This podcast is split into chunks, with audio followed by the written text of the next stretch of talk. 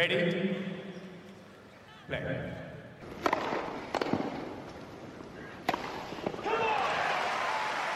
Merhabalar, Raket Servisi hoş geldiniz. Ben Gökalp. Ben Anıl, merhaba. Evet, Avustralya başladı. Çılgın bir başlangıç. Zaten bu hafta acil bir yayın yapmıştık. Djokovic uçağa inene kadar ortalık kop yer yerinden yarılmıştı. Şimdi bugün ne yapacağız? Bugün Djokovic'in indikten sonra yaşananları konuşacağız bir en başta. Sonra araya bir bağlantı sokacağız. Sevgili Altuğ Çelikbek'le konuştuk. Avustralya'ya bağlanacağız. Sonra da tekrar geri gelip bu haftanın turnuvalarını bir konuşacağız. Çünkü bu hafta turnuva da oynandı. Kaçıranlar olduysa. yani Kaç e, tane? sadece Gökalp sana ilave edeyim. İndikten sonrasını değil, havadayken de neler oldu? bir de bir de onlar oldu. Çünkü Doğru. 24 saatlik bir uçuş var.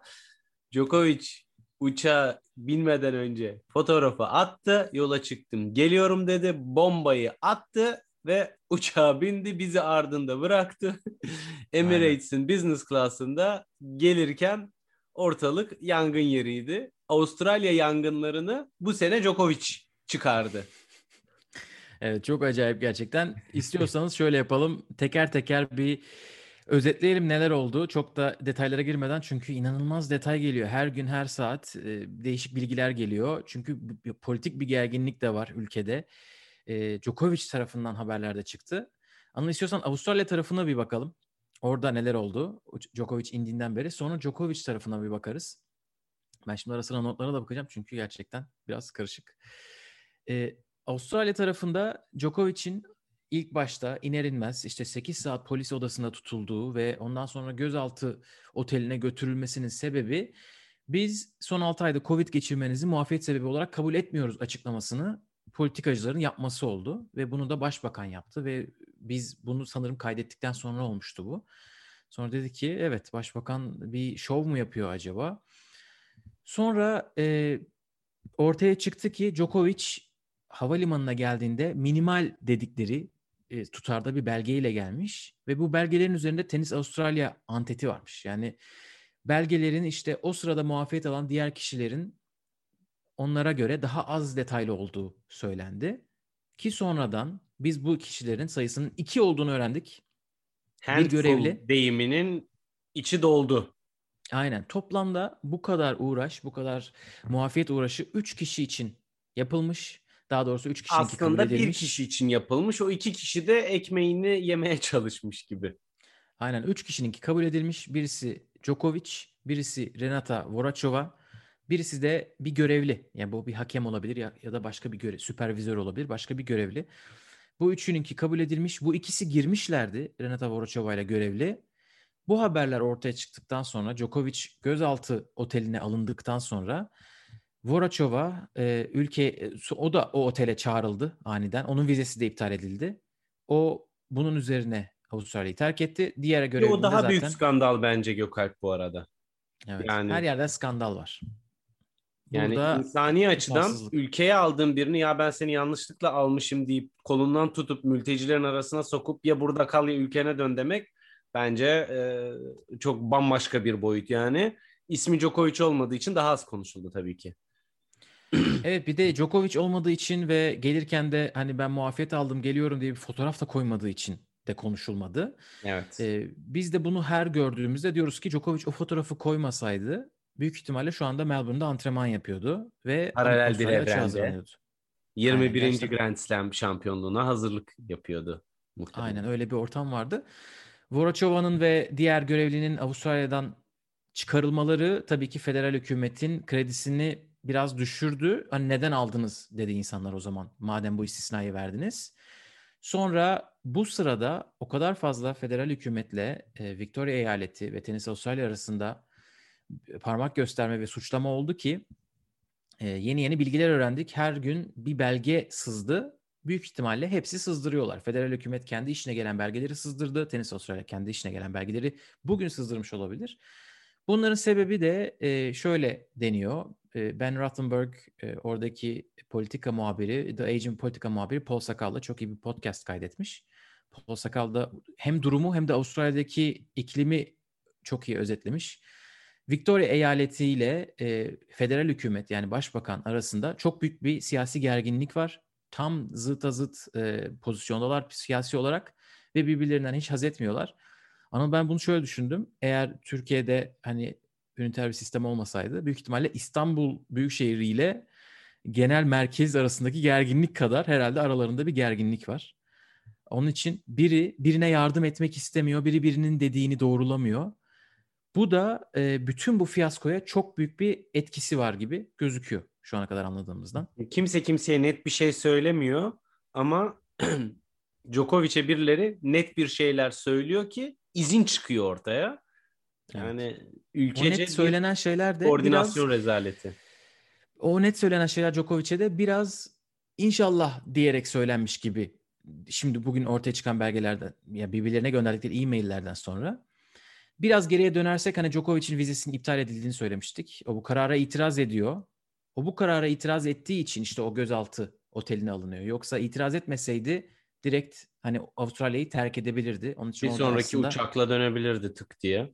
Yani Aynen. orada hapis değil. değil. Bunu bir açıklığa kavuşturmak lazım bence bu noktada. Aynen öyle. Ondan sonra o otelin yanına Djokovic e, desteğini vermek için fanları geliyorlar. Hatta sadece Sırplar değil, işte Sasha Ozman'ın paylaştığı videoda Yunan bayrakları, bir tane Yunan bayrağı vardı, başka bayraklar da vardı. Ama tabii çoğunlukla e, Sırplar vardı, Djokovic hayranları vardı. E, tam da Sırp Ortodoks Noel'in olduğu gün o otelde olması iyice olayı zaten filmleştirdi. Elinde mumlarla İnsanlar içeri destek mesajlarını yolluyorlar, şarkılar söylüyorlar. Böyle bir cuma günü geçti. Bugün ortaya çıkan belgelerde tıbbi muafiyetlerin federal hükümet tarafından eyalete paslandığı çıktı ortaya. Ama bu Kasım'ın başında olmuş. Kasım'ın başında federal hükümet demiş ki Victoria sorumludur muafiyetlerden. Ondan sonra da ama e, biz son 6 ayda Covid geçirmeyi bir muafiyet sebebi olarak kabul etmiyoruzu da Tenis Avustralya'ya yollamışlar. Victoria da diyor ki Tenis Avustralya bize bunu paylaşmadı. e, bize bunu söylemedi. Onun için biz nereden bilebilirdik gibi bir şey söylüyorlar. Bütün bunların üstüne e, bugün Craig Tiley açıklamalar da yaptı. Onlar da dediler ki aradaki koordinasyon daha kuvvetli olsaydı bütün bu fiyasko yaşanmazdı. Biz federal hükümetin bu muafiyeti gözden geçirmesini ve onaylamasını istedik. Onlar onaylamadılar ve hani havalimanına gelindiğinde bakacağını söylediler. Hatta hiçbir cevap dönmemişler. Craig Tiley e, uçağa binilmeden 72 saat önce de onlardan bir teyit beklemiş. Bu teyiti vermemişler ve Tiley'nin dediğine göre diğer iki kişinin ülkeye girmesi de ondaki güveni oldukça artırmış. Biraz böyle oldu ya bu iş der gibi arkasına yaslanmış gibi gözüktü demeçti. Arkasına yaslanmadı Gökalp. Gitti bir de televizyonda Djokovic şu anda yolda uçağa bindi turnuvaya katılacak dedi. Yani sadece arkasına yaslanıp beklense iyi. Ee, Evet. Zaten hani genel olarak fitili ateşleyen kamuoyunda hani işin politik tarafını bir yana bırakırsak kamuoyunda fitili ateşleyen nokta ve olayların daha Djokovic inmeden bu raddeye gelmesine sebebiyet veren nokta hem Craig Tiley'in hem Novak Djokovic'in daha iş bitmemişken kesin bir şekilde bu konuda açıklama yapması. Hani örnek olsun diye karşılaştırırsak şayet Nadal'ın biz Avustralya'da olduğunu kortta kendi paylaştığı fotoğraftan öğrendik. Ee, onun öncesinde katılacak mı? Form durumu nedir? Nerede? Ne yapıyor? Hiçbir bilgimiz yoktu. Biraz işte e, bu noktada yaklaşımda ciddi bir fark oluştu. Ha tabii ki yanlış anlaşılmasın. Nadal aşılarını olmuş tamamen normal yollardan ve kurallara uygun bir şekilde gelmiş durumda Avustralya'ya Evet. ve bugün de kupayı kaldırdı. Onu da kupayı mı bumerangı mı artık ona siz karar vereceksiniz ama e, birazdan onu da konuşuruz. Aynen Djokovic ya Avustralya tarafında işler hani böyle özetlemek e, yeterli olur diye düşünüyorum. Burada e, otoritelerin arasındaki anlaşmazlık ve birisi sen onay verebilirsin, muafiyet verebilirsin diyor ama sonra diyor ki işte son 6 ay Covid olması yeterli değil. Ondan sonra ortaya çıkıyor ki son 6 ay Covid olması aslında yeterli ama Avustralya e, da yaşayanlar ve Avustralyalılar için gibi bir belge de var. E, Australian Foreign Press'in e, yayınladığı. Hani bir orada bir karmaşa olmuş ama kimse teyit etmemiş. Craig Tiley bu arada hani biz çok uğraştık diyor. Gerçekten de onların bugün sızdırdıkları maillerden de çok fazla git gel olduğu anlaşılıyor. Hani onlar çok uğraşmışlar. Ama bu kadar uğraşmalarına gerek var mıydı? Uğraşmalarının ana sebebi Novak Djokovic değil mi diye bir soru da var. Hani sırf Novak Djokovic'i getirmek için bu kadar katakulliye, bu kadar katakulli de demeyeyim de bu kadar uğraş altına giriyorlar. Bu kadar karantinayı yüksek seviyelerde yaşayan bir ülkeye aşı olmak istemeyen birini getirmek için. Onu da söylemek lazım. E, bunlara paralel e, şu timeline'ı hani zaman çizelgesini biraz şöyle de özetleyebiliriz. Biraz geriye gidelim istiyorsan. Aynen Kasım'da e, Kasım'ın başında işte federal hükümet tamam Victoria muafiyeti verebilir diyor. Victoria da diyor ki son 6 ayda Covid olanlar okey biz bunları kabul edeceğiz. Çünkü demek ki öyle bir şey varmış. E, bu bizim işte prosedürlerimizde. Ondan sonra 7 Aralık'ta Craig Tiley oyunculara bir mesaj atıyor ve diyor ki evet son 6 ayda Covid geçirdiyseniz e, muafiyetten faydalanabileceksiniz. Bunu federallerle tekrar bu arada kontrol etmiyorlar şu ana kadar anladığımız kadarıyla. 16 Aralık'ta da Djokovic'in Covid pozitif olduğu e, testi ortaya çıkıyor. Onu da şuradan öğreniyoruz. Djokovic'in yarın işte pazartesi sabah Avustralya saatiyle, Türkiye saatiyle pazar pazarı pazartesiye bağlayan gece duruşması görülecek. O duruşmaya hazırladığı savunmada avukatlarının yazdığı 16 Aralık'ta Djokovic'in Covid pozitif testinin olduğu. İşin Djokovic tarafında biraz böyle gelebiliriz. Djokovic yarın yapacağı savunmada bütün savunmasını son 6 ayda Covid geçirmiş olmasına bağlamış gözüküyor. Ee, ilk 16 sayfasını okudum. Öyle bir şey de vereyim. Hani son 16 sayfada farklı bir şey yoksa ama gördüğümüz kadarıyla e, Covid geçirdim ve siz buna okey dediniz diyor. Covid e, pozitif testi 16 Aralık'tan sonra görüyoruz ki 17 Aralık'ta katıldığı böyle kapalı ortamlarda maskesiz katıldığı etkinlikler var. İşte e, bakanla beraber e, bir fotoğrafı var, bir etkinliğe katılıyor. Kendi tenis merkezinde de e, oyunculara ödüller dağıttıkları bir etkinliğe katılıyor. İşin Djokovic tarafı belki daha da vahim. Yani e, işin bence kurallar, kaideler katılabilecek mi, katılamayacak mı bunlar artık işin hukuki ve teknik tarafı bir anlamda. E, avukatların ve e, davalı olan hükümetin arasında kim neyi nasıl oynayacak gibi bir durum.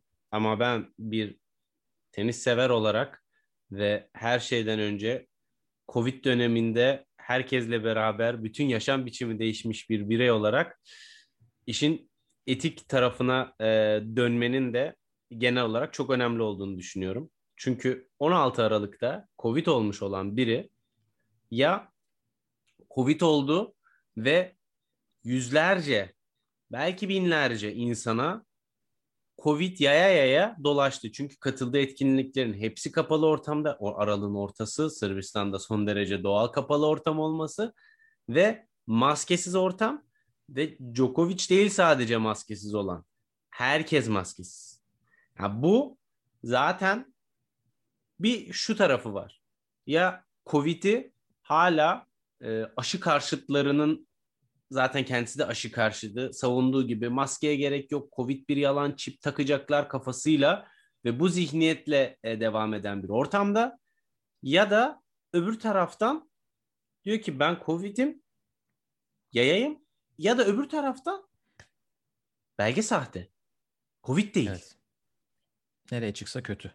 Yani ya tenisin bir numarası, rekortmeni, gerçekten tarihin en iyi tenisçilerinden biri. Birçok insana göre tarihin en iyisi. Bir evrak sahtekarlığı yapıyor tenis oynamak için ve para kazanmak için ve puan toplamak için. Ya da gerçekten dünya görüşü ve hayata bakış açısıyla asla kendimi bağdaştıramayacağım bir zihniyete sahip. Yani neresinden tutarsak tutalım çok ciddi etik sıkıntılar var. Aynen öyle. Ve ya bu burada bence en üzücü tarafı çünkü Djokovic'in imajı Adria Tur'la zaten sarsıldı. Sonrasında yaptığı Instagram yayınlarıyla işte e, su molekülleri falan filan e, iyice sarsıldı. Ve her evet. şeyden öte bak Gökalp her şeyden öte bir tenis sever olarak konuştuğumuzda tenisi dünyanın ana gündemine taşıdığı konu gerçekten çok problemli bir konu. Tenisin en tepesindeki adam büyük bir aşı karşıtı. ve bu pandeminin ortasında herkes birçok sıkıntı çekerken sevdiklerinin cenazesine gidemezken yakınlarını senelerce göremezken. Ne diyelim? Tenis Evet. böyle temsil ediliyor şu anda. Evet, evet, Forbes'da. Economist'te, New Yorker'da e, hangi ana akım medya varsa hepsinde böyle temsil ediliyor şu anda. Evet. Yani Djokovic'in savunacak neredeyse hiçbir şey yok gibi gözüküyor şu anda. Hani PCR testinin sonucunu bilmiyor olabilir diyor tabii ki bazı hayranları ama burada şöyle bir durum var. Birincisi hani Djokovic'in testini o kadar çabuk almama ihtimali sıfıra yakın test yaptırdıysa. İkincisi Pozitif çıkıyorsa İkincisi İmkansız. testi test yaptırdıysanız e, zaten siz o kadar kalabalık alanlara girmemelisiniz sonucu bekleyene kadar. Test yaptırma sebebiniz var belli ki. Ya bir yere gideceksiniz ya temaslısınız ya semptomunuz var. E, onun için burada tutacak yeri yok gibi gözüküyor.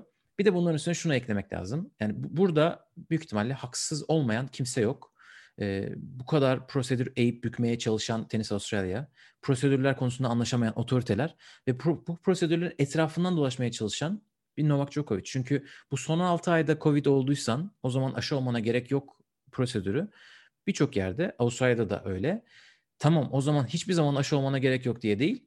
Aşını erteleyebilirsin. O zaman gelebilirsin ve aşı olmanı erteleyebilirsin anlamıyla yani bu amaçla konuyor.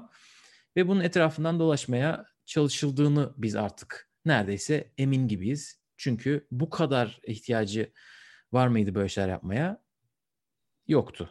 yani. Gökalp özetle bir taraftan Novak Djokovic'in oynamasını isteyen bir Craig Tiley var.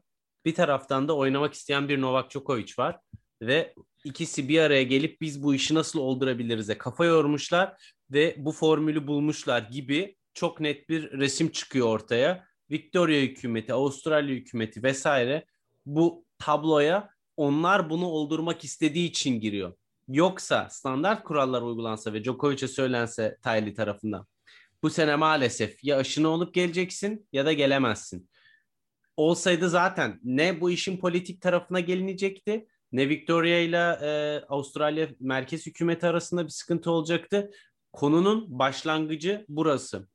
Bir de işin şu tarafı var birçok insanın da dile getirdiği. Ya Djokovic istese Sırbistan'da aşı karnesi alamaz mıydı? Aşılıyım deyip gösterip giremez miydi? Ben bunun çok yüksek olasılık olduğunu düşünüyorum yani. Çünkü Sırbistan'ın başkanına kadar destek var arkasında. Yani oradan bir aşı kartı çıkarttırmak hani Türkiye'de yaşayan biri olarak veya Türkiye e, Türk biri olarak gerçekten çok e, uzak bir olasılık gelmiyor. Ama Djokovic temsil ettiği şey aşı karşıtlığı olduğu için böyle gelmek istemedi. Yani bu bir anlamda aşı zorunluluğuna karşı da elde edilmiş bir zafer gibi miydi? Ne nasıl bir bakış açısı? Gerçekten artık yani Djokovic'in kafasında aşı ve Covid ile ilgili dönen şeyleri anlamakta güçlük çekiyorum. Ee, ve hani hiç de tasvip edemiyoruz maalesef. Evet, ya burada tabii geçen bölüm söylediğimiz şeyi tekrarlayalım. Djokovic aşı konusundaki tutumunu aşı daha çıkmadan belli etmişti. Aşının yan etkileri neler olabilir böyle şeyler ortaya çıkmadan e, birkaç ay önce sanırım 2-3 ay önce ilk aşı vurulmadan önce zaten ben aşı zorunluluğu getirilmesine karşıyım demişti tenis sorunda. Biz bunlara dayanarak hani bunları söylüyoruz. Aleni geliyor açıkçası eğer biraz daha böyle tarafsız bakmaya çalışınca. Bakalım neler olacak göreceğiz. Craig Tiley bugün yaptığı açıklamadan sonra Djokovic'i Avustralya açıkta görmek istiyorum diye bitirdi. Yani çıkarta çatışması bu kadar fazla aslında. Hani Avustralya'nın e, vatandaşları için her şeyi yapıyoruz. Bizim birinci önceliğimiz bu diye başladığı konuşmayı Djokovic'in burada olmasını istiyoruz diyerek bitirdi. Duruşmada pazartesi olacak sabah kalktığınızda büyük ihtimalle karar çıkmış olur. Biz de Anıl, bilmiyorum eklemek istediğim bir şey var mı? Burada kapatabiliriz istersen bu segmenti. Yani konuşuruz daha saatlerce ama e, bence artık son sözü mahkeme söyleyecek. Aynen öyle. Resmen böyle şeyler söyleyecek duruma geldik tenis podcastinde. Şaka gibi. Mahkeme falan Neredeyiz diyoruz. Biz mahkeme 35 sayfalık savunmaları okuyoruz filan yani. biz hukuk okumadık arkadaşlar. İşletme mezunuyuz ikimiz de yani. Aynen öyle. Evet buradan çok daha böyle pozitif bir yere gidelim. Sevgili Altuğ Çelik Bilek sağ olsun bizimle bir sohbet gerçekleştirdi ve onunla bir sohbet ettik. Avustralya'yı sorduk, nasıl geçti onları sorduk. Oraya geçelim sonra bir geri dönelim. Altuğ gerçekten bize yoğun programında sabahın erken saatlerinde kendisine göre vakit ayırdı. O yüzden çok da keyifli oldu. Ee, siz de umarım keyif alırsınız. Altuğ yayına hoş geldin. Hoş Avustralya'dan bulduk. bağlanıyorsun. Nasıl Avustralya? Nasılsın? Nasıl gidiyor? Ya normalde sıcak sıcak diyor herkes her sene. İki haftada sadece bir gün aşırı bir sıcak oldu. Onun dışında son 2-3 gündür yağmur yağıyor. Enteresan bir Melbourne yazı yaşıyorum açıkçası. Ama keyifler yerinde ya. Her şey yolunda. Siz nasılsınız? İyiyiz biz de e, haberlerden e, şey yapamıyoruz. Nefes alamıyoruz. Bayağı değişik bir Avustralya geçiyor şu anda. Hani ona da geleceğiz ya. Onu da sana soracağız. Tam böyle kaosun ortasına düştün. Bir haftadır. İstanbul'da karantinadayım. Vakit nasıl geçti anlamadım. Yani olaylar olaylar. Acayip. Burada biz insa- insider olarak daha da keyifli geçiyor ya. Çok her her an yeni bir haber çıkıyor böyle bir bir şeyler oluyor falan. Çok keyifli şu an açıkçası. Antrenman yapmaya zor vakit vakit buluyorsunuzdur. Ya o kadar da değil antrenmanlar bir şey yapıyoruz ama ısınmalarda falan bir an bir haber geliyor. Allah diye bakıyoruz böyle. Çıkıyor bir şeyler.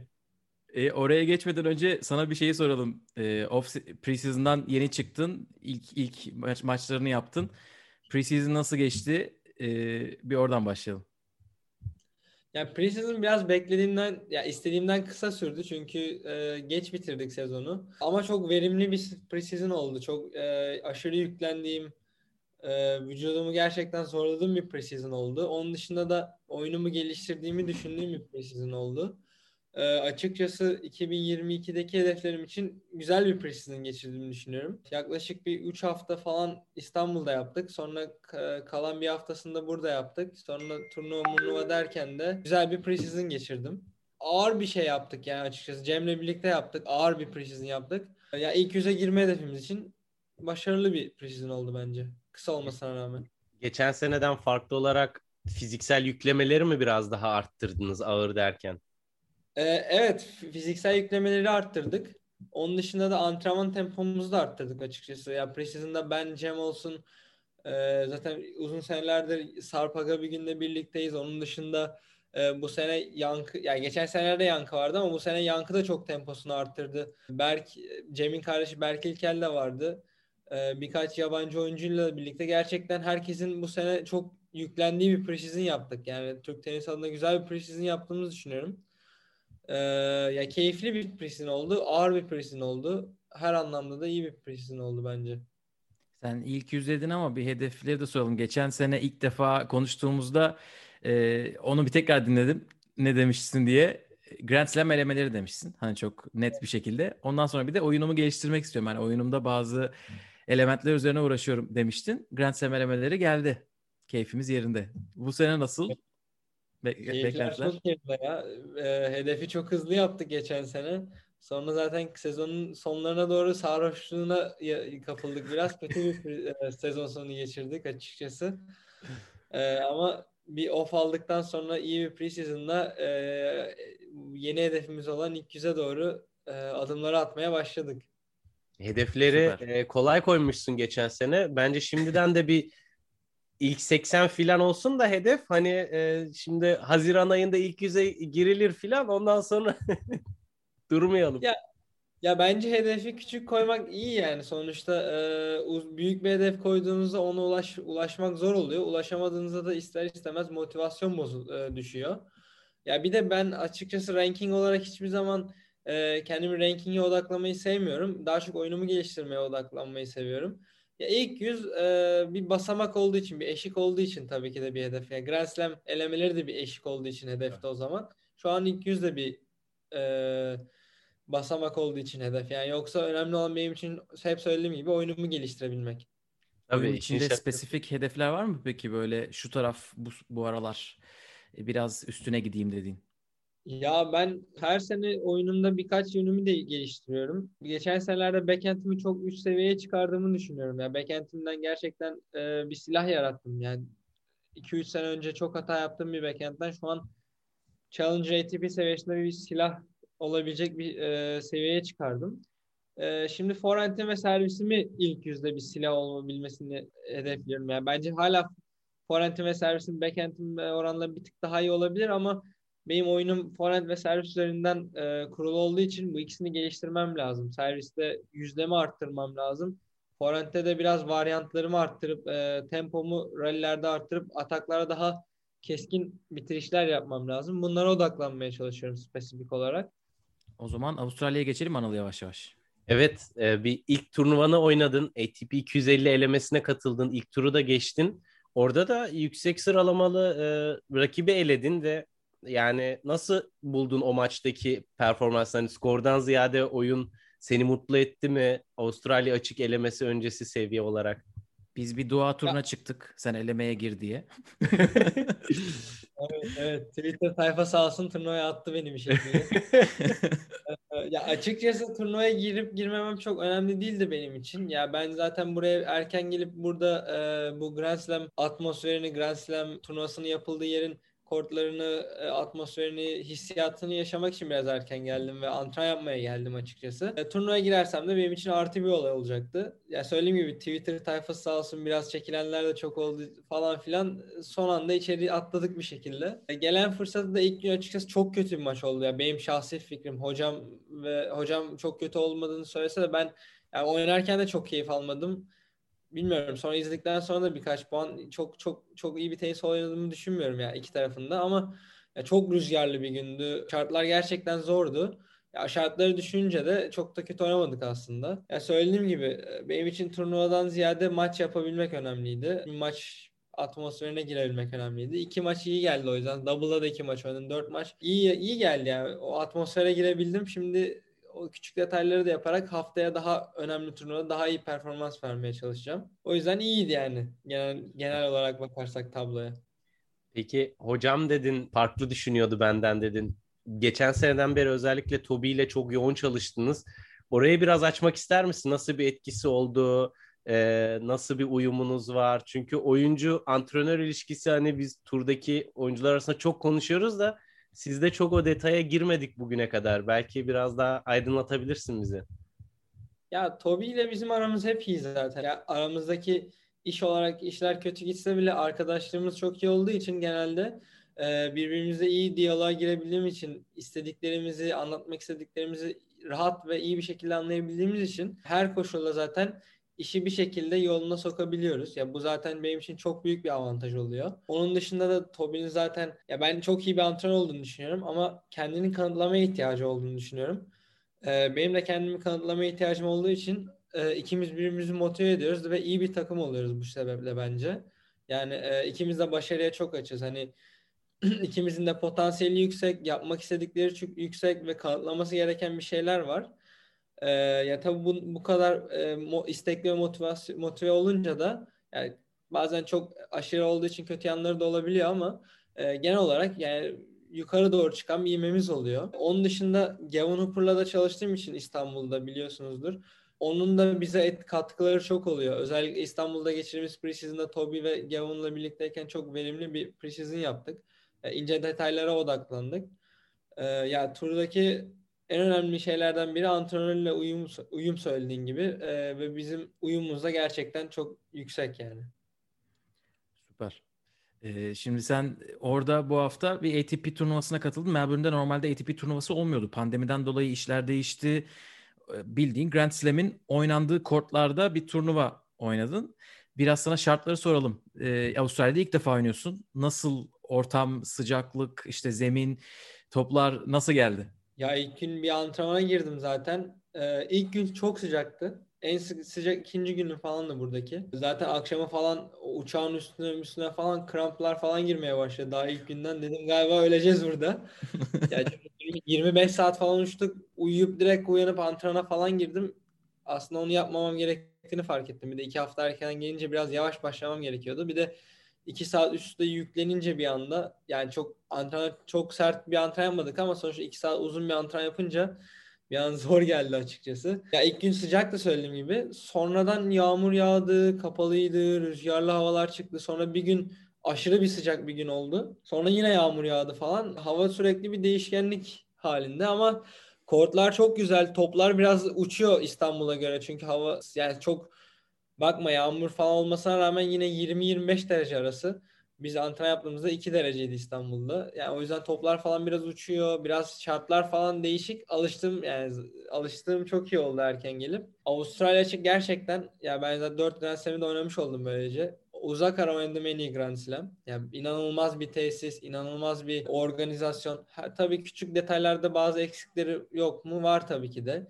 Ama genele vurduğumuzda iki haftadır otelimizi ödüyorlar. Yediğimiz içtiğimiz her şeyi ödüyorlar. Her gün bedava kuru temizleme veriyorlar. Yani gerçekten Müthiş. standa- standartlar inanılmaz yani diğer Grand Slam'lere oranla. Zaten bütün oyuncular yıllardır sorduğumda hep en iyi Grand Slam Avustralya çık diyordu. Ben dedim Allah Allah hani ya bence Wimbledon'u tarihi mari falan düşünce Wimbledon daha iyidir diyordum. Ya buraya geldikten sonra anladım ki gerçekten çok uzak ara. En iyi Grand Slam falan Avustralya olabilir değil. Grand Slam kesinlikle Avustralya. Evet ben de bunu merak ediyordum. Çünkü oyuncular hep bunu söylüyorlar. E, bunu söyleyenlerden birisi de artık yakın arkadaşı mı diyelim? Andy Murray.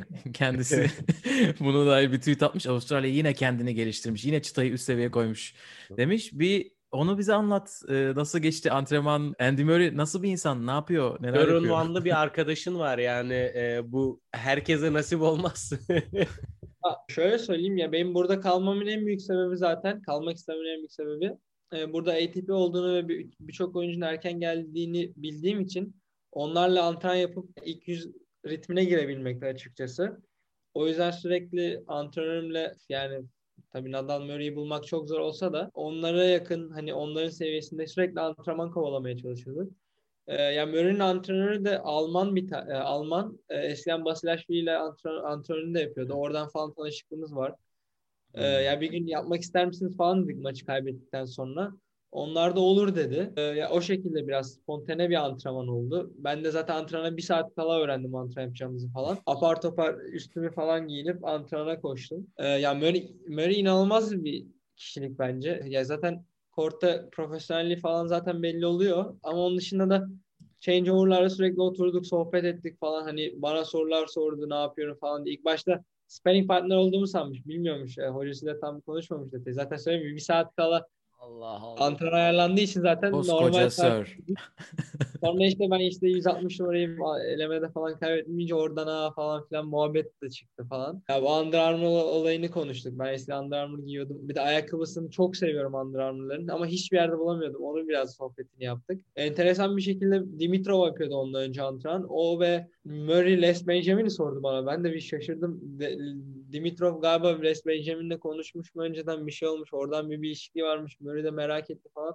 Baya muhabbet döndü yani ama onun dışında da güzel bir antrenman yaptım bir saat, bir buçuk saat onunla. Yani keyifliydi. Onun dışında birçok yüksek seviyede oyuncuyla da oynadım. Setler falan da yaptım. Yani güzel bir hafta geçirdim maçlar dışında. Yani pre-season için bütün ortam uygunmuş orada anladığımız kadarıyla. Evet ya ben e, erken gelerek iyi bir karar yaptığımı biliyordum zaten ama buradaki geçirdiğim haftadan sonra çok çok iyi bir karar yaptığımı düşünüyorum. Yani daha da iyi bir seçim yaptığımı düşünüyorum. Bu kadar iyi olacağını ben de beklemiyordum açıkçası. Bir de şimdi e, Gayet iyi. elemelerde de kurallar çekilecek yarın sabah yanlış bilmiyorsam. Orada da şimdi e, elemelerde seri başı oldun son e, gelişmelerle beraber. Abi Twitter'da öyle gördüm de ben ATP'nin şeyinden baktım 33 33'üm yani bir, bir dışarıda Aynen. görüyorum Bir bilmiyorum. kişi. Anladım. Tam arada tam sınırdasın. Ha, hayırlısı ya. ATP Fark etmez. 250 turnuvasındaki gibi e, bir son dakika sürprizi bekleyelim o zaman. Biz bir Twitter Evet. sinerjisiyle. Ya her hafta böyle maceraya girmek istemiyorum. O yüzden bu hafta çok saldım. Zaten ya Grand Slam'lerde çok çok çok da inanılmaz bir fark yok yani. Herkes Öyle mi? alt, Evet. alt üst. Ya tabii birkaç formda oyuncu var ama mesela seri başı olmayan bu aralar çok formda Safulim var mesela. Birkaç tane daha Evet. öyle seri başı olmayan oyuncu da var yani. Hani çok çok da inanılmaz bir fark yaratmıyor seri başı olmak. Yani şöyle bir avantaj olur benim için. Cem'le oynamamış oluruz. Hı hı. Belki ikimizin de çıkma şansı olur. Öyle bir avantaj olur Olur. eğer ben de seri başı olursam. Onun dışında Evet. çok bir avantajı Ya yok tam benim. böyle dışarıdaysan bir kişi çekilirse seri başı olacaksın. Mesela o bir kişi Novak Djokovic olabilir. Djokovic Evet, soralım. pazar- Biraz Djokovic konuşalım. Yarına kadar çekilir, çekilirse olur ama pazartesiye kadar kalacağı için Ha, Djokovic'in de Evet. etkili. Doğru doğru doğru.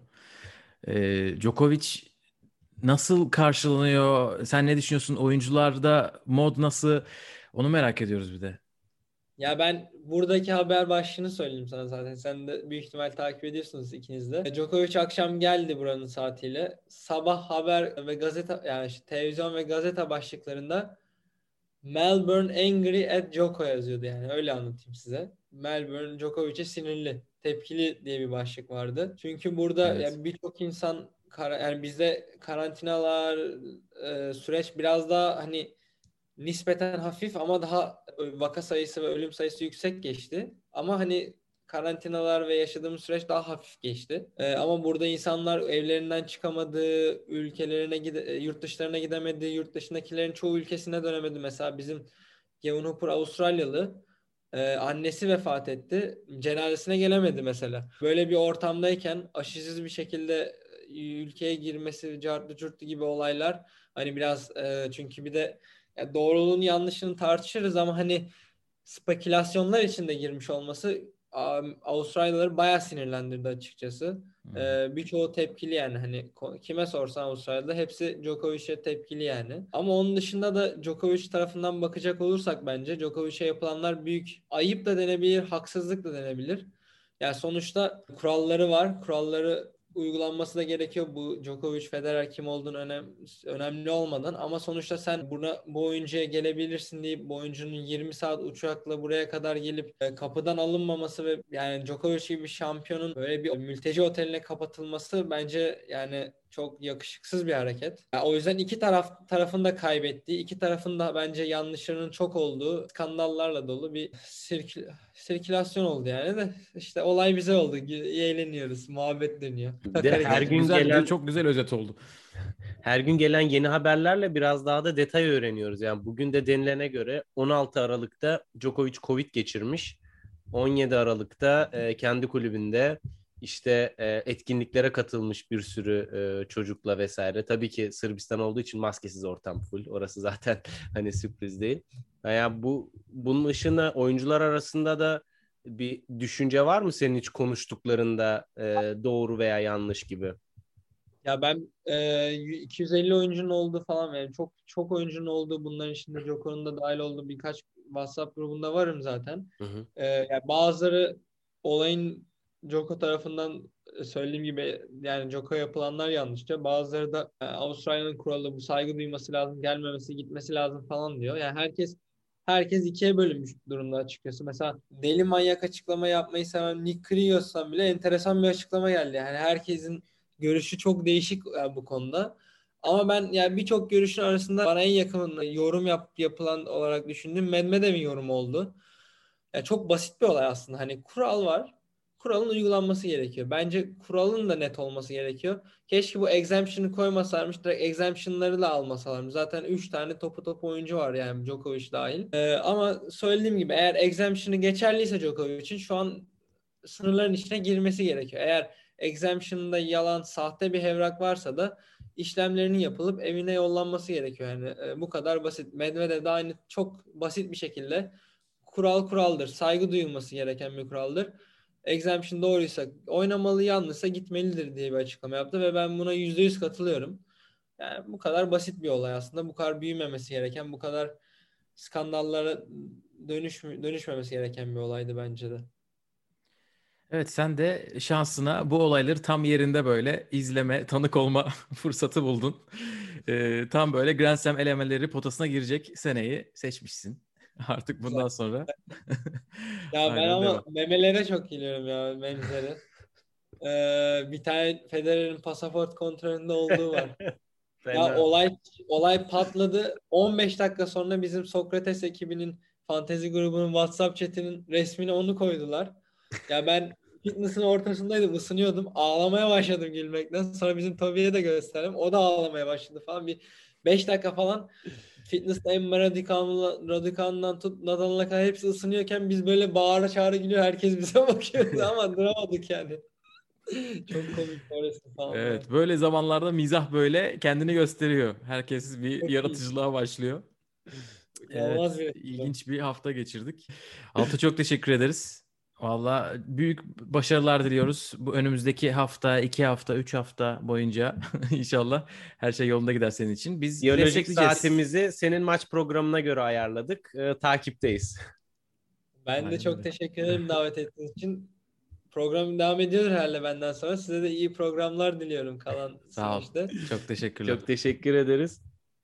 Çok sağ olun. Görüşürüz.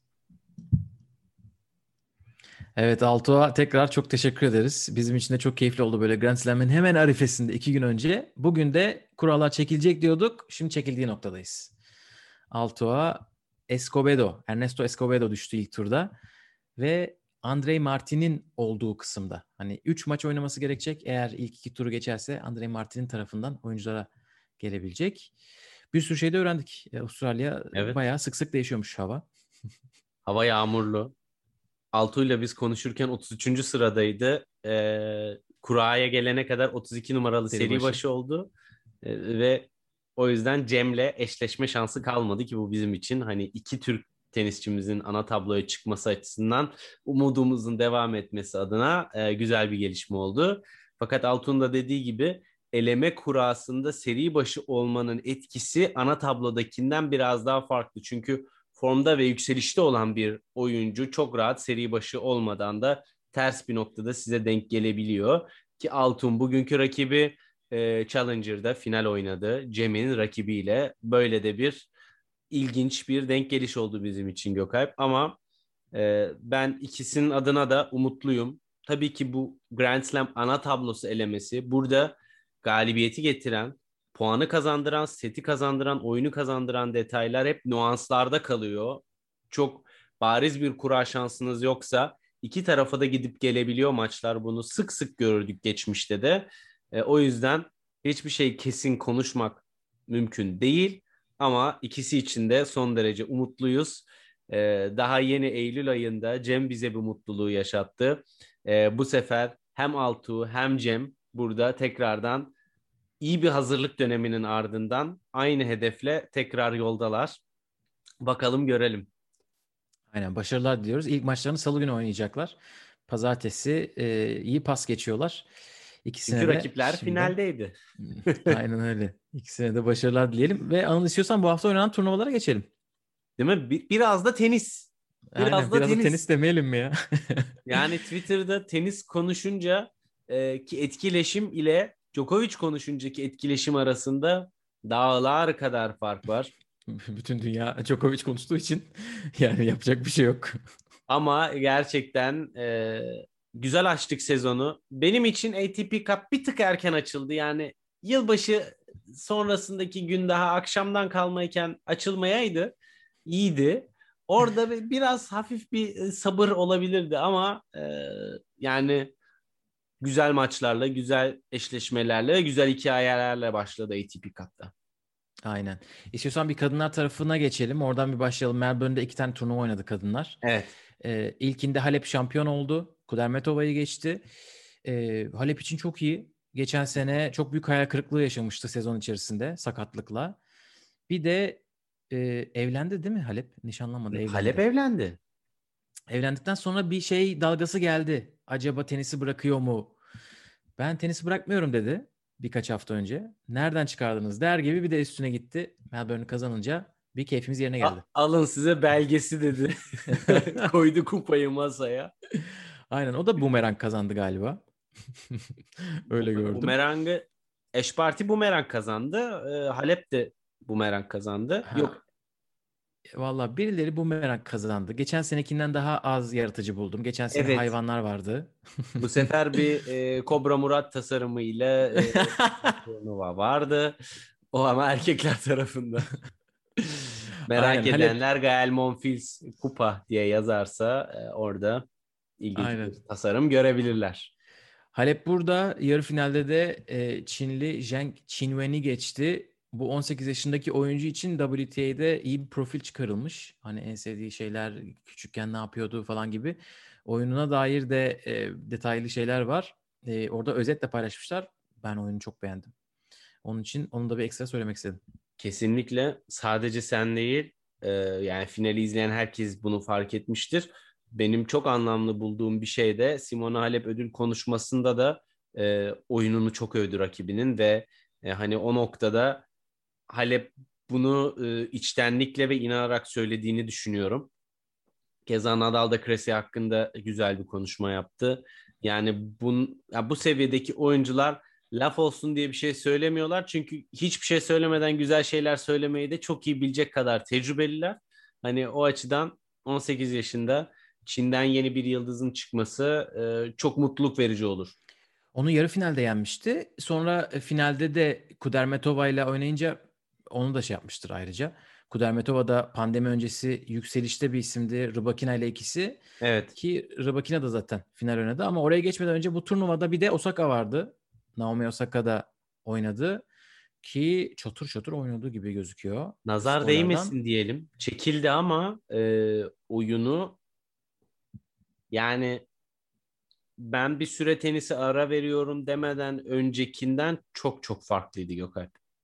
Evet, Amerika belli ki sadece- sonra oynamadı galiba Osaka. Uzun bir ara yine de. 4 aylık bir ara gibi bir şeyden bahsediyoruz. Ve fizik kondisyon olarak da iyi gördüm. Yani Aynen. biraz tabii kendini zorladı. Bir anda bu maç temposuna girmek hani e, o kadar maçı üst üste kazanmayı belki de beklemiyordu. Biraz e, Federer'in Roland Garros serüveni gibi. Ama tabii biraz yaş farkı da var. Evet bir de çok maç da yapmadı açıkçası. Hı 3 hı. maçtan sonra galiba yarı finalden çekildi. Ama e, iyi iyi iyi işaretler boldu. E, Petkovic maçını izledim ben. Orada Petkovic ben çaresiz kaldım diye söylemiş. Osaka ile Serena'yı kıyaslamış. Birisi biraz daha taktikle dövüyor. Birisi gücüyle derken bu arada taktiği Serena için söylemiş. Hani Osaka biraz daha böyle sizi çaresiz hissettirebiliyor. O kadar fazla güçlü vuruyor ki diye de eklemiş. E, Osaka'yı takipteyiz. Bakalım neler yapacak. E, Melbourne'deki diğer turnuvada Amanda Anisimova şampiyon oldu. Sasnovic'i geçti ve Anisimova'nın 2019'da Bogota'dan beri yani yaklaşık 3 seneden beri kazandığı e, ilk şampiyonluk zaten ikinci şampiyonluğu toplamda. Anisimova da kötü bir sene geçirmişti o yükselişte geçtiği zaman 2020'de sanırım ya da 2019'un sonunda babasını kaybetmişti. Evet. Tam böyle en iyi olacağı zamanda. Aynen o Bütün zamanlarda. dünyası böyle değişmişti. Şimdi inşallah geri geliyordur. Yani onun içinde toparlanma evresi e, gerçekten kısa sürmedi, kolay olmadı. E, özellikle yüksek seviyeye geri çıkmak e, mental gücü çok fazla gerektiriyor. Dolayısıyla geri dönüşü burada oldu mu yoksa devam ettirebilecek mi? Onu göreceğiz tabii ki ama Evet. en azından e, vuruş gücü, atletik kabiliyeti yerindeydi. Hani oyun variyetesini ben çok üst düzey görmedim açıkçası. Ama güçlü ve e, hala genç ki o zamanlar çok gençti gerçekten yani şu anda e, Tabii. çok kaybettiği iki sene ciddi bir e, fark.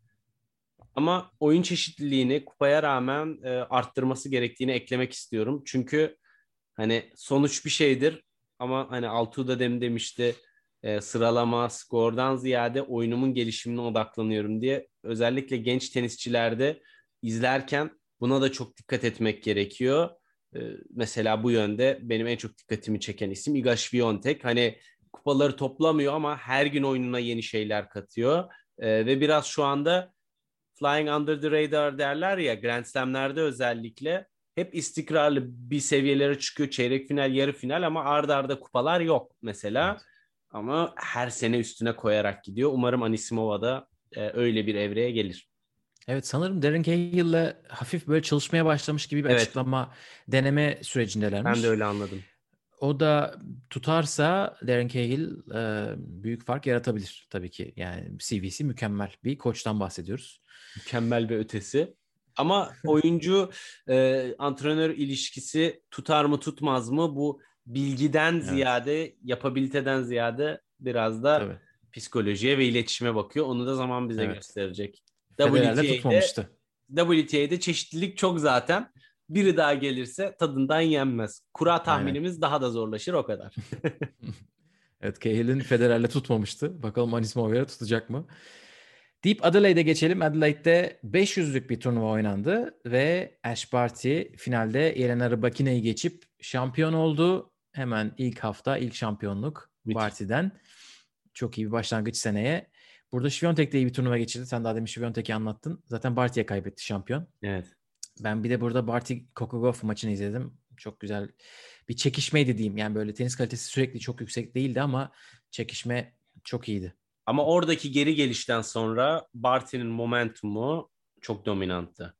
Ki yani Evet. Biontech'in de oyununu övdüğümüz için onu da tekrar e, belirtmekte fayda var. Bu kadar e, iyi seviyedeki bir Şiviyontek'e karşı Barty çok net kazandı. Hani gerçekten izlerken kadınlar tarafında bir sonraki hamlesini bu kadar iyi kurgulayan, satranç gibi tenis oynayan birini görmek inanılmaz mest ediyor Gökalp. Yani e, Barty'nin oyunu bence zaten oyunu başarıları dünya bir numarası olması ve kupalarıyla tescilli ama çok fazla yine de dile getirilmiyor.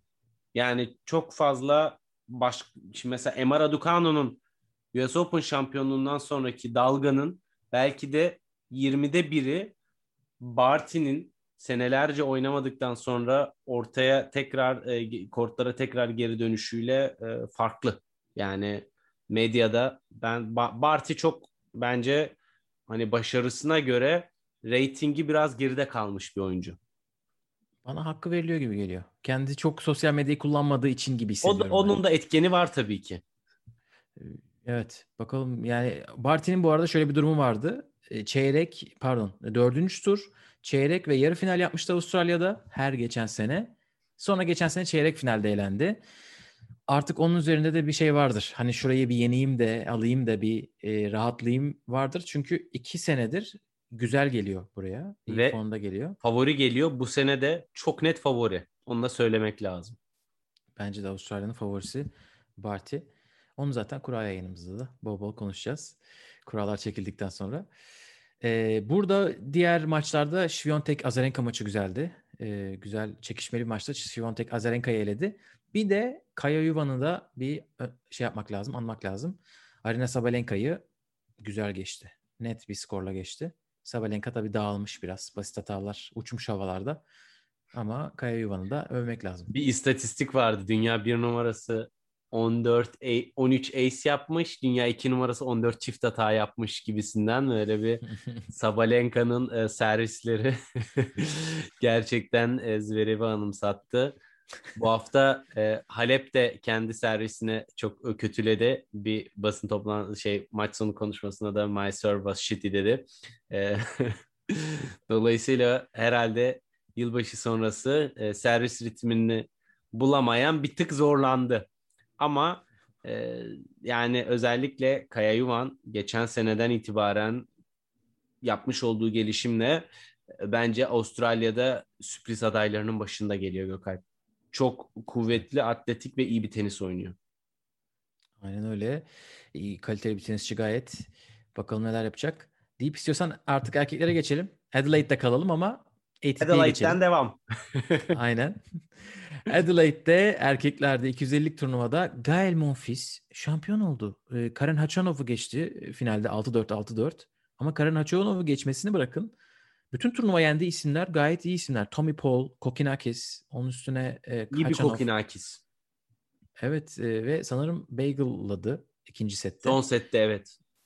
Ee, yani nasıl ben itiraf etmem gerekiyor ki Monfils'i izlemedim bu turnuvada. Ee, ama izleyeceğim. Tebrik ediyoruz. Yaş kendisini. 35, yolun çeyreği diyor. Aynen. Nadal'la yarışıyorlar. Ee, ikisi de arka arkaya senelerde ATP finali oynama e, yarışındalar. Nadal finale çıktı. Monfils dakikalar sonra finale çıktı ve ikisi de uzattılar birer yıl daha. Tabii Nadal'ın kupa istatistiği de var sanırım. Monfils'in o yok. Olsun Monfils bir kupa daha kazanarak e, büyük gelişme gösterdi geçen seneye göre. Nadal şu an kupada toplayarak bu alanda rekortmen oldu. Aynen Monfils için Seneye de- Avustralya'da Nadal rekoruyla başlanacak deselerdi inanmazdım ama öyle oldu. Aynen. Ee, ben Kokinakis'i izledim bu turnuvada. Kokinakis iyi. maçı. İnanılmaz eğlenceli bir maçtı. Ee, Zaten Tiafoe'nun keyifsiz geçen maçı yok. Kazansa da kaybetse de. Çünkü risk oyununu Aynen. seviyor. O da biraz Şapo'nun ol- olamamışı ki Şapo da tam olamadı ama ona sonra ATP Cup'ta geliriz. Ee, ben seviyorum Tiafoe'nun oyununu. Tabii Müthiş. çok böyle şov şeylerine kaçabiliyor. Hatta bir ara böyle öndeydi. 3-2 40-0 öndeydi ikinci sette. Orada bir modu düştü. Kokinakis orada kopardı düşmeyerek. Avustralya'da çıktı onu ne yapacak? Tabii davetiye aldı tabii ki. Çünkü geç, iyi bir Hak challenger etti ama sesi- gerçekten hak etti yani. Öyle sırf Avustralyalı diye dememek lazım. Aynen o da çok sakatlık geçirdi. Ee, Nike onu bir kovdu. Şimdi geri gelmeye çalışıyor. Ee, yeni bir e, sezon açtı kendisine. Sayfa açtı. Bakalım ne yapacak ama Monfils'i de övelim. Hachanov da ATP Cup'a gitmeyerek ben orada Rusya takımında oynayamam. Zaten önümde Karatsev var, Rublev var deyip buraya katıldı. Ki oynayabilirmiş. Onu sonradan konuşuruz ama burada da finale yükseldi. Yani Kokinakis'e çok ufak bir hatırlatma. Seneler evvel Federer'i genç yaşta yenmesiyle ilk adını duyurdu ve ondan sonra devamlı sakatlıklara e, derdi oldu ve gelip bir ay tenis oynayıp sonra tekrar sakatlanıp tekrar e, geri döndü. O yüzden hani potansiyeli çok yüksek ama fiziksel olarak ne seviyede onu görmek lazım. Bu kadar sık sakatlanmada nasıl off court antrenmanları varı soru işareti olarak bana biraz e, getiriyor. Yine de bakalım. Aynen. Ki o Federer galibiyetinden önce de yine sakatlıktan dönmüştü. Yine. Evet. E, Melbourne'e geçelim. Melbourne'de de 250'lik bir turnuva oynandı ve Rafael Nadal biz acaba Avustralya'ya gelecek mi diyorduk. Covid oldu son anda Abu Dhabi'de. Ayrıca oynayabilecek mi diyorduk sol ayağın ne durumda bilmiyorken e, şampiyon oldu. Ki Abu Dhabi'de çok da aman aman bir teniste e, izletmedi bize. Ki Evet, ben kendi zaten paylaştım. bunu böyle düşündüğünü e, söyledi. Hani orayı ilk maçım, ilk galibiyetim gibi yani orayı maç olarak bile e, kafasında saymamış zaten. ya ben öyle yorumladım. Belki saymıştır da şimdi Abu Dhabi'den canı sıkılmasın insanlar falan filan demiş olabilir sonradan. Ama Bu Melbourne resmi maçını- tarafıyla pozitiflik katmış belki de o resmi maç değildi diyerekten. Aynen hafif hafif ilerliyor tabii. Çünkü çeyreğe çıktıktan sonra sanırım çiftler maçından çekildiler. Hani e, bu Evet. kadar ilerleyeceğimi beklemiyordum mu dedi. Yani bu kadar ilerleyince çiftlere gerek kalmadı gibi bir şey söyledi. Çünkü Can maçlarını almışlardı. Sonra e, Biraz çenesi de yorulmuş olabilir Gökalp. Munar'a ne öğüt verdi, ne öğüt verdi. Yani iki dakika change arasının tamamında konuşuyordu yani. Gerçekten. Evet, Can Munar şimdi tabii çok şey tecrübesiz ve çiftler oynamayan yani bir, birisi. Normalde Rafa Nadal çünkü daha çok Mark Lopez'le oynuyordu eskiden ve Mark Lopez bir çiftler spesyalisti. Hani ona o kadar konuşamayınca büyük ihtimalle Yılların yeni. Lopez yapmaya çalışıyor olabilir. Mark Lopez şu anda Nadal'ın takımında. Evet. E, koçlardan birisi olarak eklendi. Moya'nın Avustralya'da. yanında.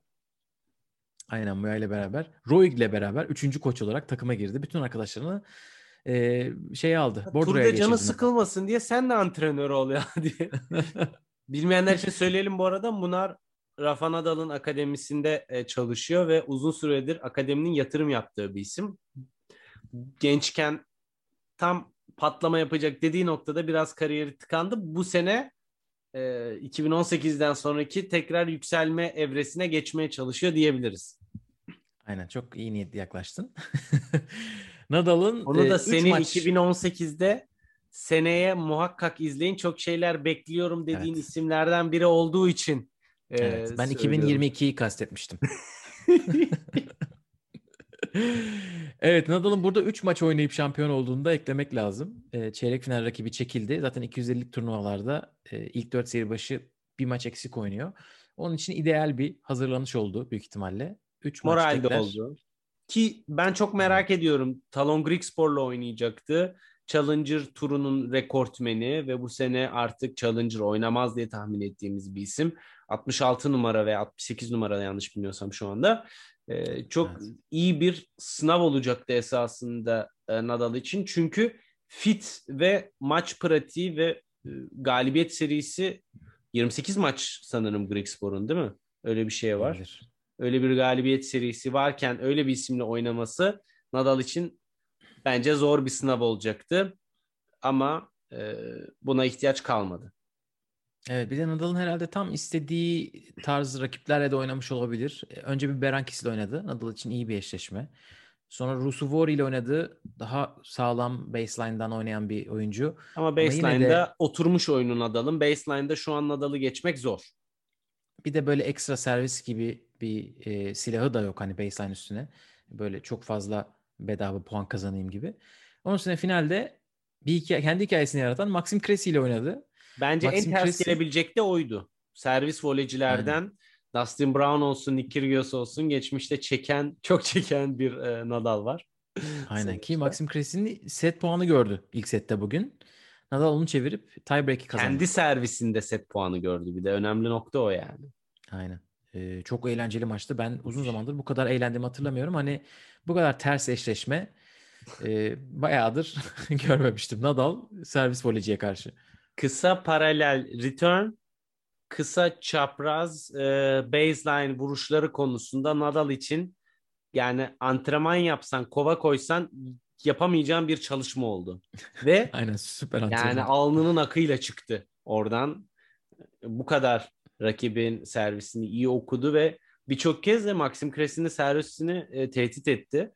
Ama Cressey'nin burada finale çıkması kendisi adına çok büyük bir başarı elemelerden gelerek ve e, özellikle elemelerden finale çıkıp Nadal'la oynamanın da bir getirmiş olduğu bir etki var. Ama bir taraftan da bence e, Rod Laver Arena'da oynandığı için söylüyorum. Kort hızı için bize biraz işaret veriyor. Yani servis voley oyunuyla e, iyi ilerlenebileceğini göstermesi kortların yavaş olmadığını gösteriyor Gökhan. Evet, Maxim Cressey'nin kimleri yendiğini de bir söyleyelim. Ee, Riley Opelka'yı geçti. İlk iki numaralı seri başı. Sonra üç numaralı seri başı Dimitrov'u geçti yarı finalde. Arada da Jaume Munar'ı yenmiş. İlk turda da e, Avustralyalıların genç isimlerinden ve gayet iyi oynadığı yazılıyordu. Geçen hafta gördüm. Hijikata onu 6-3-6-0'la geçmiş. Bir de elemeden geldi. Onun için çok iyi bir hafta. Geçen sene Challenger sezonunu e, süper bitirmişti. Halı'daki oynanan, e, Avrupa'da halıda oynanan işte sanırım Ekkental'da falan oralarda hep Ya İsmail'dir ya. Ekenthal'dir. Bu halılar oralarda oynanıyor. Aynen. 3 final bir kupayla kapadı o son 4-5 haftayı. Zaten geleceği belliydi. Ee, Amerika'ya Amerika'dan davetiyeyi alamadı. Çünkü Amerika'nın davetiye sistemi halı challenger'larını katmıyor diye o ona gitmemişti ama o burada kendini gösterdi. Bir de geçen sene sanırım Zverev'le oynamıştı Avustralya açıkta. Yine eğlenceli bir maç olmuştu. Ee, bu sefer biraz daha olgun gözüktü. Yorumculardan da şey duydum hani söyleyenler. Ya bu çok iyi işliyor servis voley belli ki. Ama her seferinde yapmak biraz tabii sürpriz efektini azalttığı Kaldırıyor. için bir tık azaltsa belki işler değişebilir. Çünkü rallilerde de hiç fena oynamadı bugün. Evet. Aynen. Nadal'ı nasıl gördün? Onu da sorayım performansını. Açıkçası beklediğimden çok daha iyi gördüm. Neden diye soracak olursam eee, özellikle baseline puan kurgusunu, vuruş derinliğini ve vuruş placement'larını çok oturmuş buldum. Yani eee, bir güç üretmekten çekinmiyor. İki açıları istediği gibi değiştirebiliyor. Üç kısa vurmak istediği zaman çok kısa vuruyor. Uzun vurmak, derin vurmak istediği zaman da bayağı köşe dip baseline çizgisine yakın yerlere vuruyor. Bu da fiziksel olarak topa iyi konum alabildiğini, iyi hareket edebildiğini, rahat pozisyon alabildiğini gösteriyor. Çünkü basit hataların kökenindeki en temel sebep iyi hareket edememektir. Bu da bacak sakatlığı olan birinde en çok beklediğimiz şeylerden bir tanesi. Bir de bunun üstüne kritik anlarda hiç korkmadan uyguladığı gerçekten kusursuza yakın drop shotları da görünce Nadal'ın rally oyunu olmuş. Toprağa hazır yani öyle söyleyeyim. Tabii ki servis oyununda bir tık daha oturması gereken yerler var.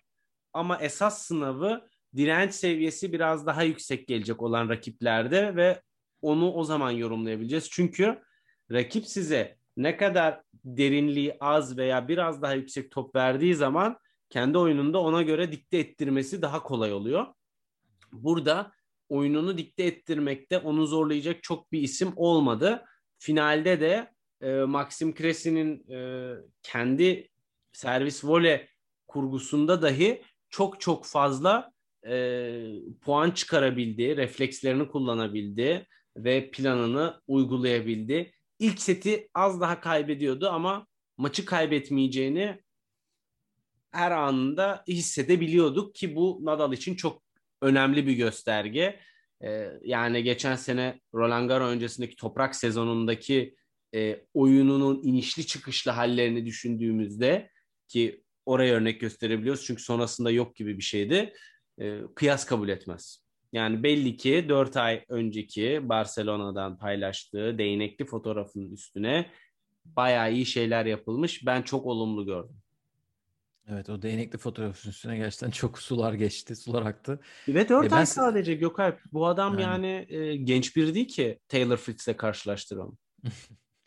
Ee, ben servisini çok beğendim. Servisi bence zemin hızını işaret eden şeylerden bir tanesiydi. Hani Hı hı. çok iyi servis attı ve servisten çok puan kazandı bu hafta bence. Ee, forehand'i de gayet güzel gözüküyor. Ee, backhand'de çok tökezledi maçlarda. Öyle hissettim. Hani orasını toparladığı zaman eskiye yaklaşacak gibi hissediyorum. Ama tabii bu hafta oynadığı rakipler çok belirtici olmayabilir. Hani Evet. o, o biraz daha böyle servisi kuvvetli olan birine karşı, forehand'i kuvvetli olan birine karşı. Hani onun backhand'ine böyle biraz oyunu yiyebilecek birine karşı nasıl oynayacak? O da biraz Servis işaret iyi olacak. dediğin için oraya da istiyorsan bir parantez açayım o zaman. Çünkü e, placement'lar çok iyiydi. Özellikle slice servisleri çok çok etkiliydi. Ama risk seviyesini çok arttırmasını gerektiren bir e, eşleşmede olmadığı için hata sayısı çok az göründü bence. Evet olabilir. Ee, bakalım nasıl olacak? Rod Laver Arena'nın ekosundan da ben o servisler bana etkileyici gelmiş olabilir. Maçlar hep orada oynandı. Ki şunu söyleyelim. Birinci, ikinci, üçüncü tur maçları eğer ki çok saçma bir eşleşme gelmezse ısınması için bir tık daha ona e, vakit veriyor.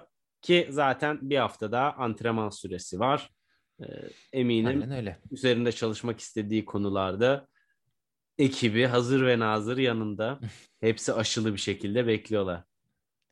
Aynen. Artık son turnuvaya geçelim o zaman bu hafta oynanan. ATP Cup. ATP Cup bambaşka bir hale dönüştü. Eskiden belki de çok daha fazla böyle izleniyor, bekleniyordu. İşte Djokovic, Nadal oynuyorlardı. Bu sefer biraz ondan uzak, e, biraz değişik bir turnuva oldu.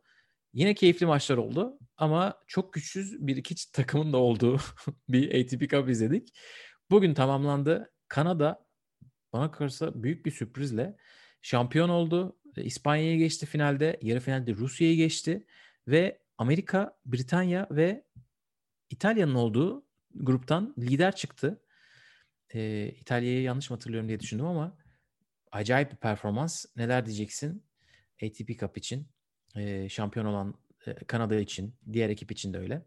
Ya tabii ki turnuvanın e, en hüzün verici tarafı Nadal'ın olmamasıydı İspanya adına. E, ama Bu en arada İtalya yerine Almanya. Onu Evet. hemen düzelteyim. Ee, Almanya'ya geçti Kanada. İtalya'nın en büyük sürpriz olduğunu söylemeye gerek yok. Çünkü e, yani jenerasyon olarak altın çağını yaşıyorlar. Fakat daha toprak spesyalist sayısı fazla bir e, takım olduğu için de burada erken elendiler. Ama ATP Cup sistematik olarak Ama Siner'le Berrettini vardı ya. yani ona rağmen Evet. Yani. Fon- Fonini de çok gerek kalmadı.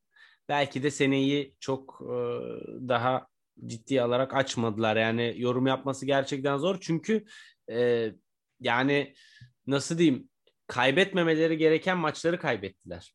Evet Berrettini Deminor'u yenebilirdi. Yani sert zeminde Berrettini'nin Deminor'a yenilmesi ki Deminor çok iyi return yaptı.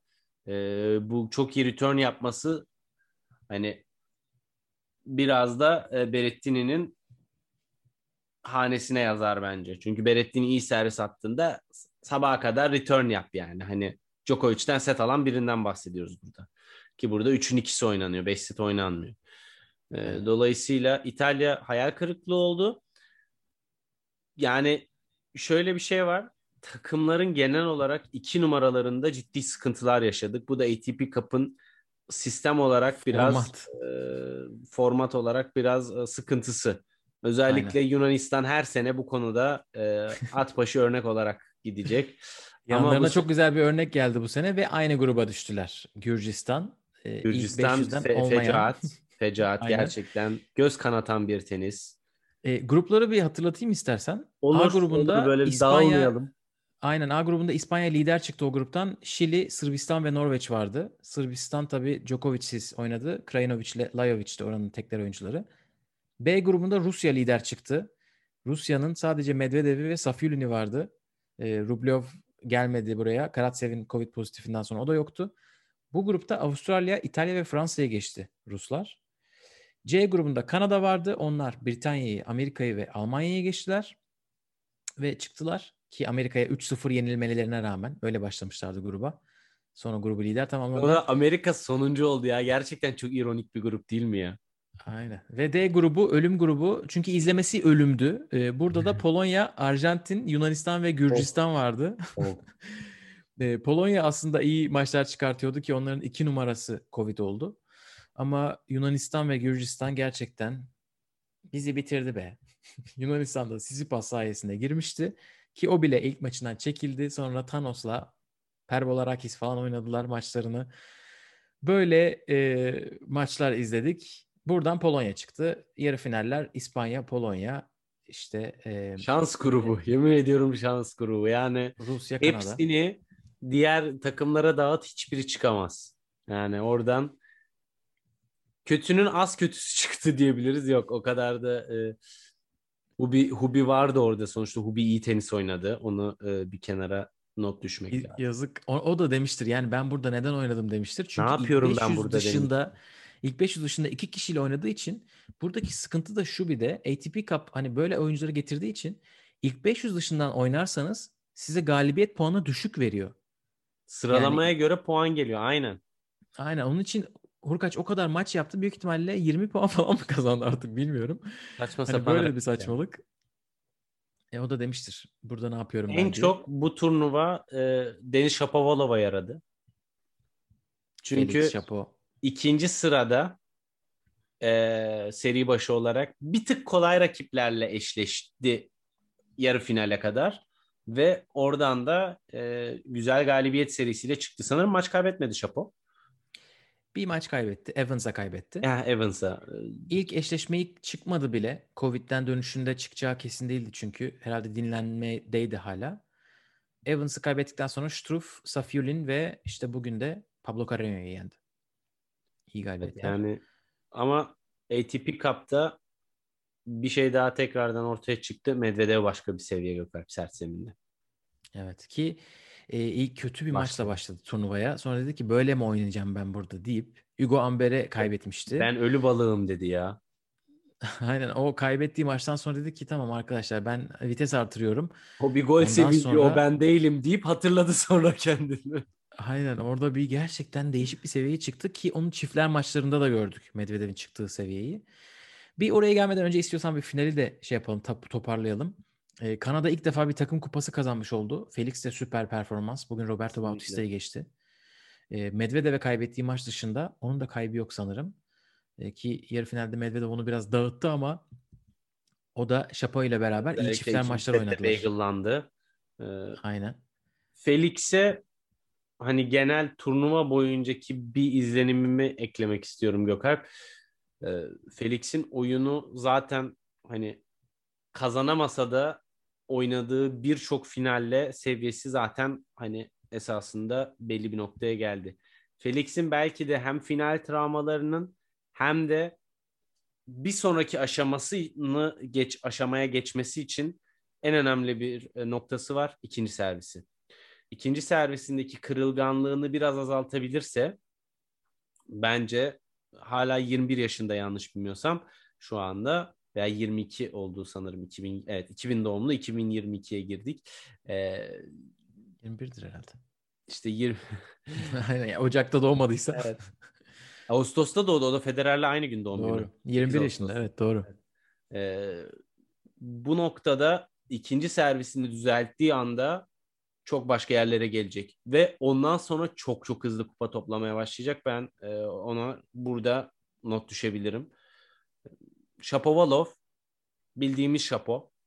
Gerçekten kimsenin yapamayacağı efsane vuruşlardan 5 tane yapıyor. Sonra 3 tane e, 250 numaranın yapmayacağı hatayı yapıyor.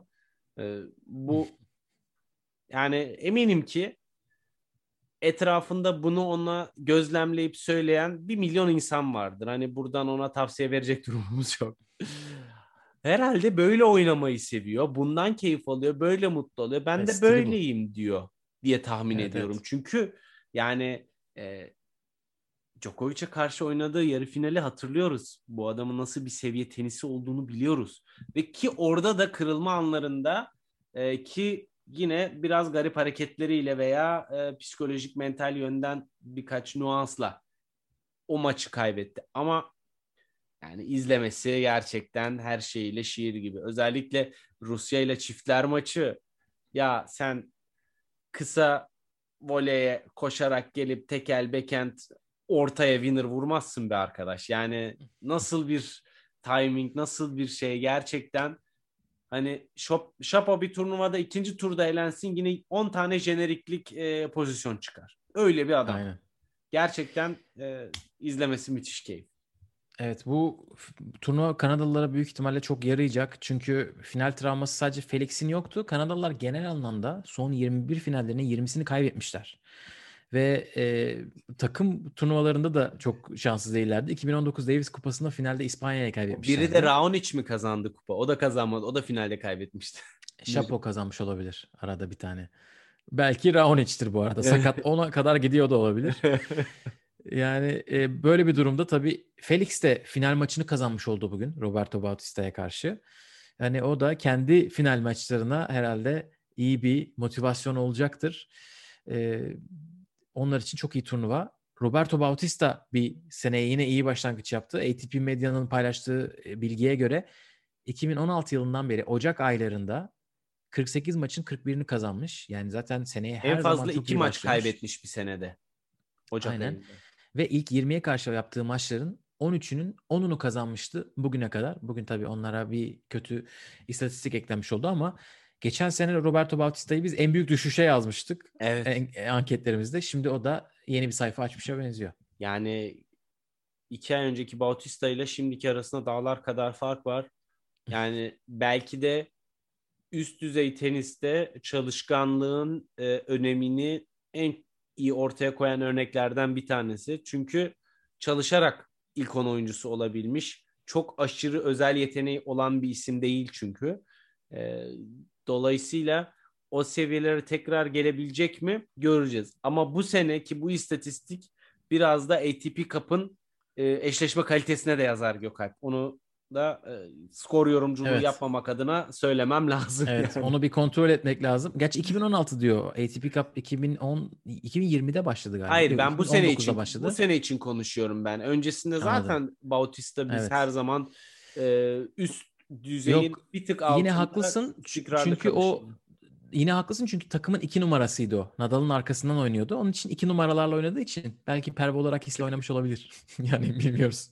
O da istatistiklerde olabilir. Pevlorakis Giller. Aynen. Aynen öyle. Ee, ATP Cup'a dair söyleyeceğim iki tane daha şey var. Sen de ekle istersen sonra. Bir tanesi Tsitsipas. Acaba ne durumda olacak? Dirseğine buz tutuyordu ilk gün. Tekrar maçına çıkmadı. Sonra bir oynadı ama kaybetti. Uzun bir maçta kaybetti. Böyle yorgunluktan bitap bir durumdaydı. Ee, o maçı kaybettiğinde. Nasıl olacak acaba?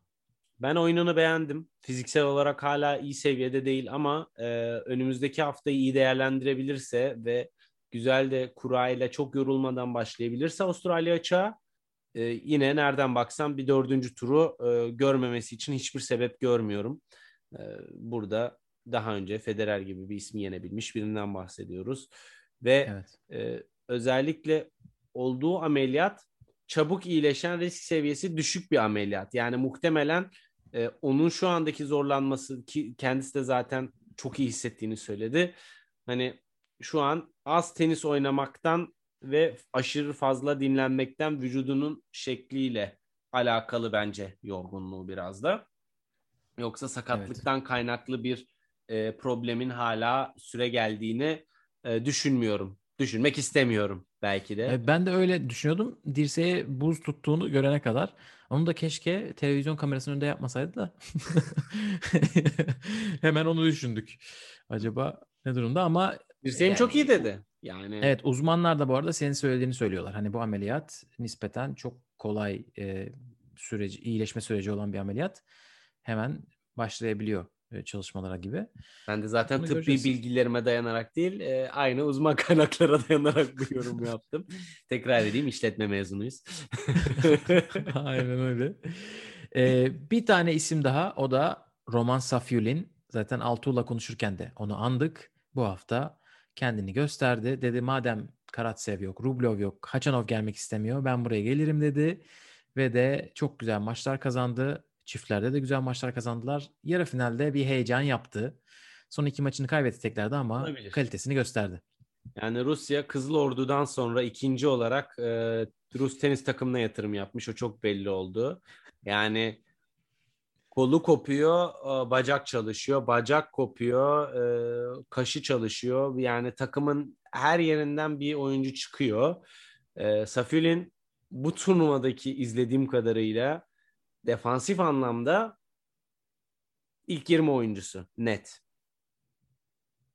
Hücum oyuncu. anlamında, ofans, oyun kurgusu anlamında orada değil.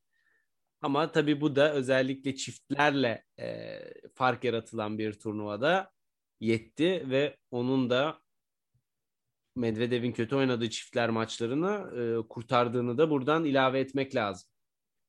Yani Evet, kendisi eski bir Avustralya Açık Junior şampiyonu, 2015'teki şampiyon. Rublev'un Fransa açığından hemen sonra kazanmış ve o iki o yaş grubunda aslında o ikisi biraz hani beklentiler altında kalmışlar. Sonra Hachanov, Medvedev onların çıkışı olmuş. Şimdi o da yakalamaya çalışıyor tekrar e, yaş grubunu. Güzel bir örnek alacağı grup var. Başarıdan başarıya koşan.